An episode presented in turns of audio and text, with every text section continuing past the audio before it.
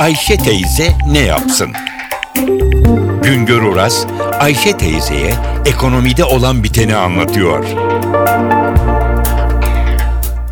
Merhaba sayın dinleyenler, merhaba Ayşe Hanım teyze, merhaba Ali Rıza Bey amca.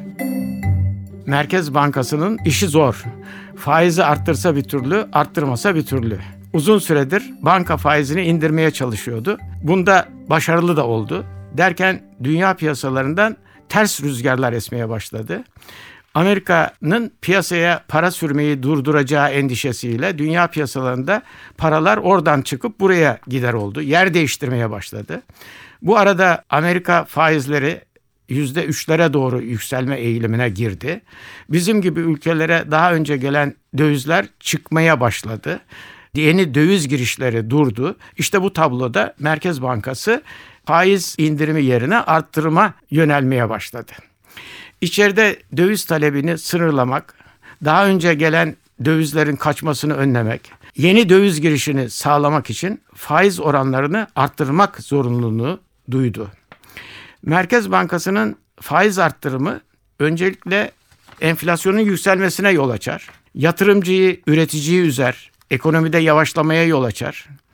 Ama bunun sonucunda sevinecek bir kesim var. O da mevduat sahipleri, bankadaki mevduat sahipleri. Çünkü bankalardaki mevduat faizleri de yükselir. Merkez Bankası kredi ve mevduat faizlerini doğrudan belirlemiyor.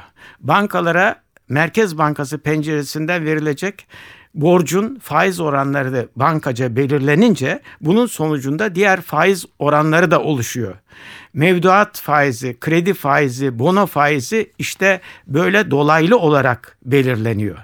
Merkez Bankası bankalara 3 farklı pencereden 3 farklı faiz ile kredi veriyor, borç veriyor, kaynak sağlıyor.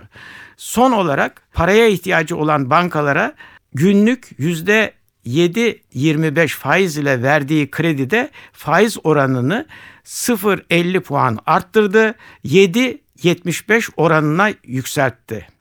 İşte bu artış önümüzdeki günlerde kredi ve mevduat faizlerinin ve sonunda da enflasyonun artmasına yol açacak.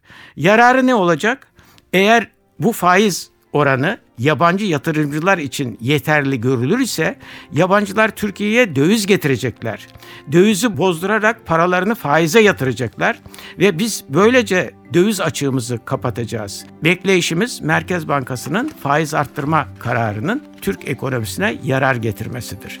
Bir başka söyleşi de birlikte olmak ümidiyle şen ve esen kalınız sayın dinleyenler. Güngör Uras'a sormak istediklerinizi ntvradio.com.tr adresine yazabilirsiniz.